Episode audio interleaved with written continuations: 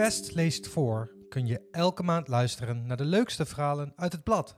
Volg ons op Spotify of Apple Podcasts om niks te missen. Dit is Tijdgenoot als teamgenoot door Ellemiek de Wit. Millennials zijn zelfverzekerd en Instagram verslaafd. Boomers hebben het klimaat verpest, maar ook veel vrijheden bewerkstelligd. Gen Z zet zich in voor een gelijkere wereld, hoewel ze geen gesprek meer kunnen voeren. Zeggen we. Maar kun je hele generaties wel zo generaliseren? Oké, dus millennials zijn nou niet per se populair. Dit wordt me pijnlijk duidelijk als ik, zelf een millennial, het zoveelste stuk lees over wat een verschrikkelijke mensen wij zijn. Hallo, welkom bij nog een lijst met dingen van millennials, waar generatie Z op haat, is de beginzin. Dat de oudere generaties ons als lui en narcistisch zien, wist ik. Maar nu heeft de jongere generatie blijkbaar ook al de pik op ons. Terwijl ik dacht dat de babyboomers juist de pispal waren. Zij zijn toch de oude lullen die alle huizen bezet houden en zo. Zodra het over generaties gaat, voelt het alsof we als rivaliserende bendes tegenover elkaar staan. Alsof we allemaal een compleet andere groep mensen zijn. Of verschillen generaties toch niet zo van elkaar? En kunnen we zulke grote groep mensen wel op één hoop gooien?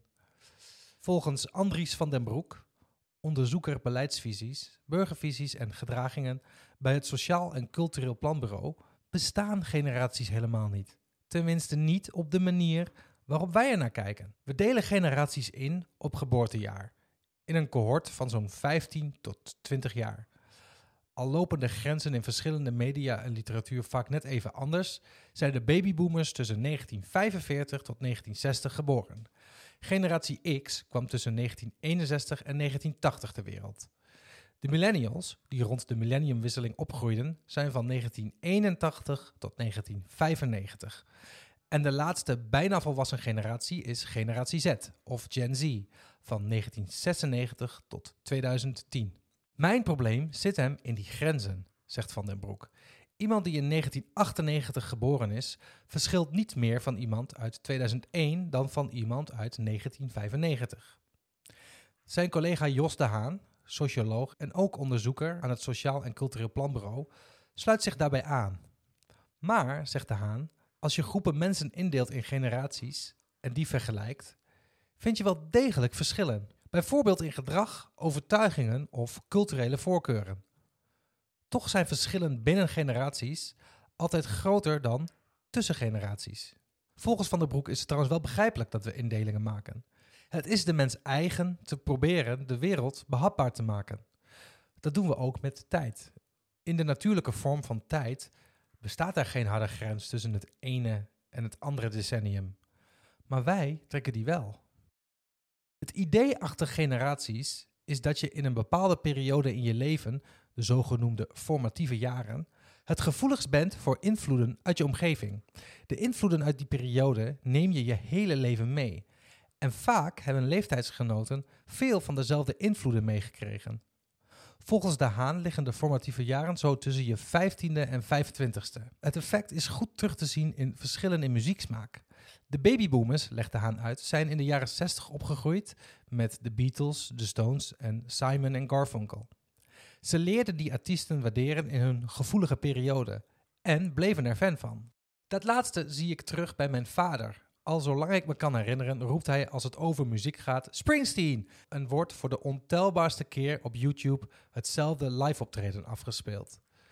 Maar hoewel er in muzieksmaak generatiekloven bestaan, bepalen andere dingen meer hoe de generaties zich van elkaar onderscheiden. Historische gebeurtenissen bijvoorbeeld, en ook langzamere ontwikkelingen zoals een veranderende tijdsgeest. Zo is er één belangrijke gebeurtenis, vertelt De Haan, die een gat sloeg tussen de boomers en generatie X.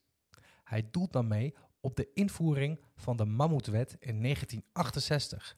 Die gaf alle kinderen, ongeacht hun sociale klasse, de kans om naar het hoger onderwijs door te stromen. Velen van hen konden opeens een heel ander soort baan krijgen dan hun ouders. Ook de generaties erna profiteerden van deze wet.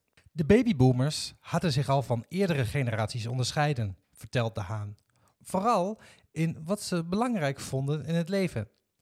Er voltrok zich in de jaren 60 een stille revolutie met een verschuiving van materiële naar postmateriële waarden.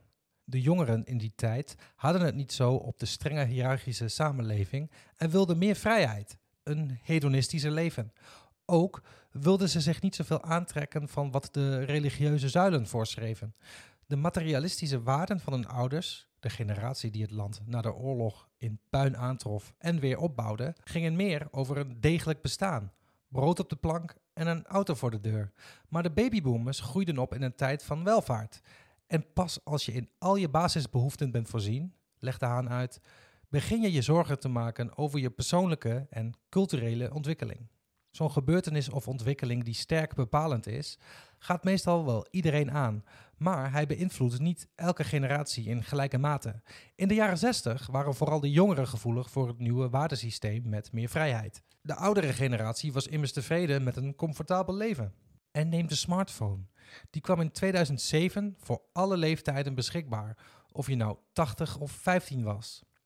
Toch heeft hij het leven van de 15-jarige waarschijnlijk een stuk meer beïnvloed, net als de opkomst van het internet.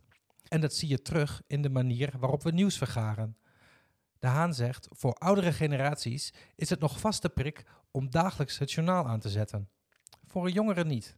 Want, zo heb ik een jongere eens horen zeggen, het journaal vertelt alles wat al lang op het internet staat, maar dan samengevat voor oudjes. Of iets een bepalende gebeurtenis is voor een generatie, is moeilijk te zeggen als je er middenin zit.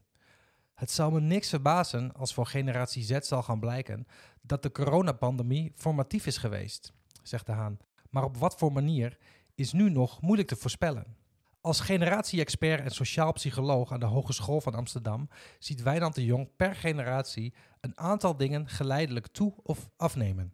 Volgens hem zijn we ons in de maatschappij steeds meer klant gaan voelen in plaats van burger.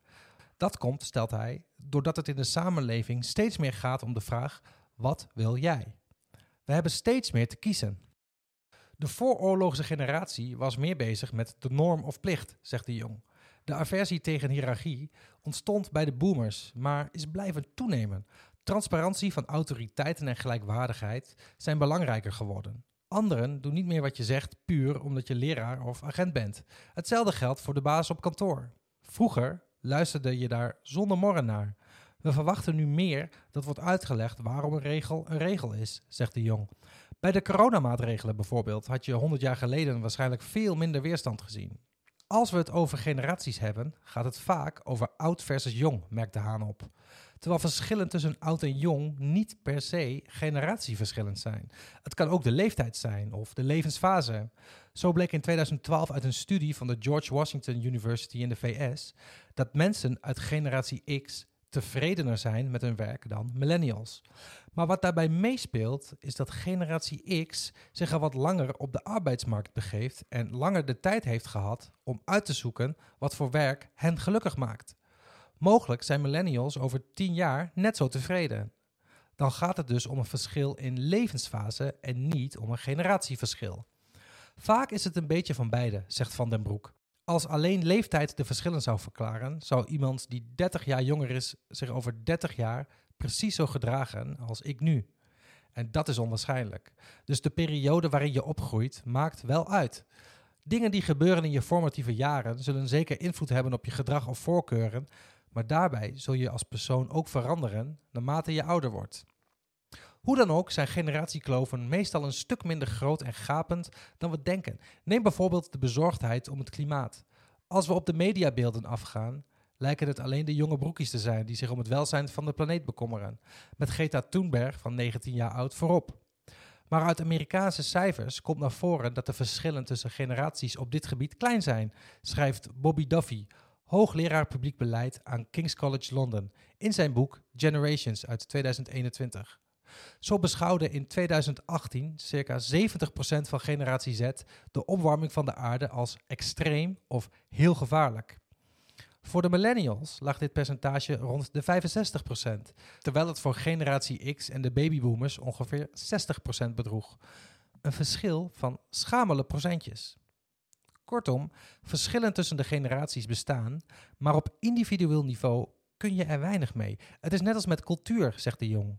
Je kunt niet stellen dat omdat iemand een Chinees is, hij alle eigenschappen heeft van de Chinese cultuur. Culturen vloeien in elkaar over en beïnvloeden elkaar. Ze hebben geen afgebakende grenzen. En dat geldt voor generaties net zo.